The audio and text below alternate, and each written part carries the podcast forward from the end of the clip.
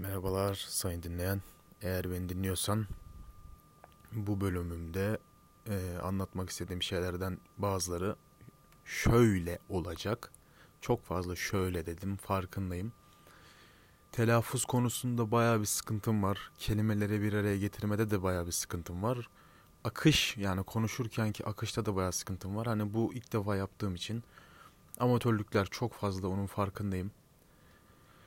E, yolculuk esnasında dinlenirse baya baya vakit geçirmenize yardımcı olabilir. Şimdi buradaki konum şu olacak. Kısa tutmaya çalışacağım elimden geldiğince. Belirli bir seviyeye ulaşmış bazı insanların yani eski kuşaktan bahsediyorum buradaki eskiden kastım şu 50 doğumlu 60 doğumlu insanların zamanında rahat bir şekilde işe girip yani rahattan kastım şöyle bir şey zamanın lise sınavları, KPSS sınavlarıyla memur olmuş ve hayatını düzene sokmuş, ev almış, araba almış vesaire. Çocuğunu okutmuş, okula göndermiş, evlendirmiş insanların şimdiki gençlere e, siz iş beğenmiyorsunuz, e, siz şımarık bir nesilsiniz gibisinden e, taşı sıksan suyunu çıkartırsın gibi deyimlerle gençlere hedef göstermesi buradaki benim düşüncem kesinlikle bu insanların haklı olduğunu düşünmüyorum.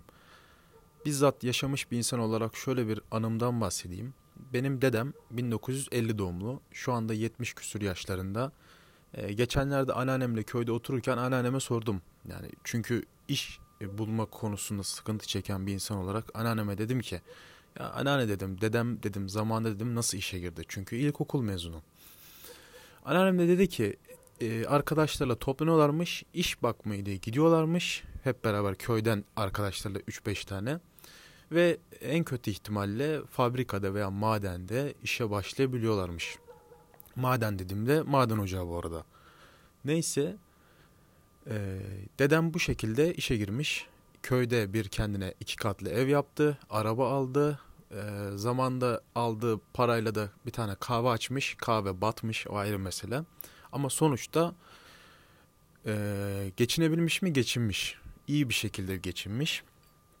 40 yaşında emekli oluyor madene girmiş. Diğer arkadaşlar da madene girmiş. Bir iki arkadaşı da fabrikada işe girmiş. Peki şu anda şu anda ben işe girebiliyor muyum? Yani şu anda gitsem iş bakmaya diye maden ocağına işe girebilir miyim? Fabrikaya işe girebilir miyim? Memur olabilir miyim? Yani çok basit soru olabilir miyim? Ben zannetmiyorum çünkü binlerce insan oluyor bizzat benim yaşadığımda bir şeyden bahsetmek istiyorum. Çok bizzat dedim farkındayım. Ee, bir sene önce falan burada bir tane büyük bir fabrika var. Demir çelik fabrikası. Ee, burada işçi alınacak diye bir duyum çıktı. Bakın duyum diyorum hani kesin bir şey değil. Hani kulaktan kulağa diyorlar ki işte işçi alacaklarmış bilmem ne yapacaklarmış. Tamam dedik biz de bir başvuralım. Gittiğim zaman kuyruğun ucu gözükmüyordu. Hani başvuru yapılacak ama neye başvuru yapılıyor? Kaç kişi alınacak? Ne alınacak? Hangi özellikler isteniyor? Hangi okuldan mezun olman gerekiyor? Birisine soruyorsun askerlik şartı yok diyor. Birisine soruyorsun endüstri meslek çıkışlı oluyor. Birisine soruyorsun kaynaktan anlayan insan arıyorlar diyor. Birisine soruyorsun 300 kişi alacak, 50 kişi alacak, 500 kişi alacak. Neyse elimize bir kağıt verdiler. Kağıtları doldurduk, geçtik. Tabii ki de bildiğim üzere bir herhangi bir şey olmadı. İşe falan alınmadık. Binlerce genç vardı resmen orada. Hiçbirini işe almadılar tabii ki. Benim gördüğüm kadarıyla hiç duymadım yani işe alındı mı diye.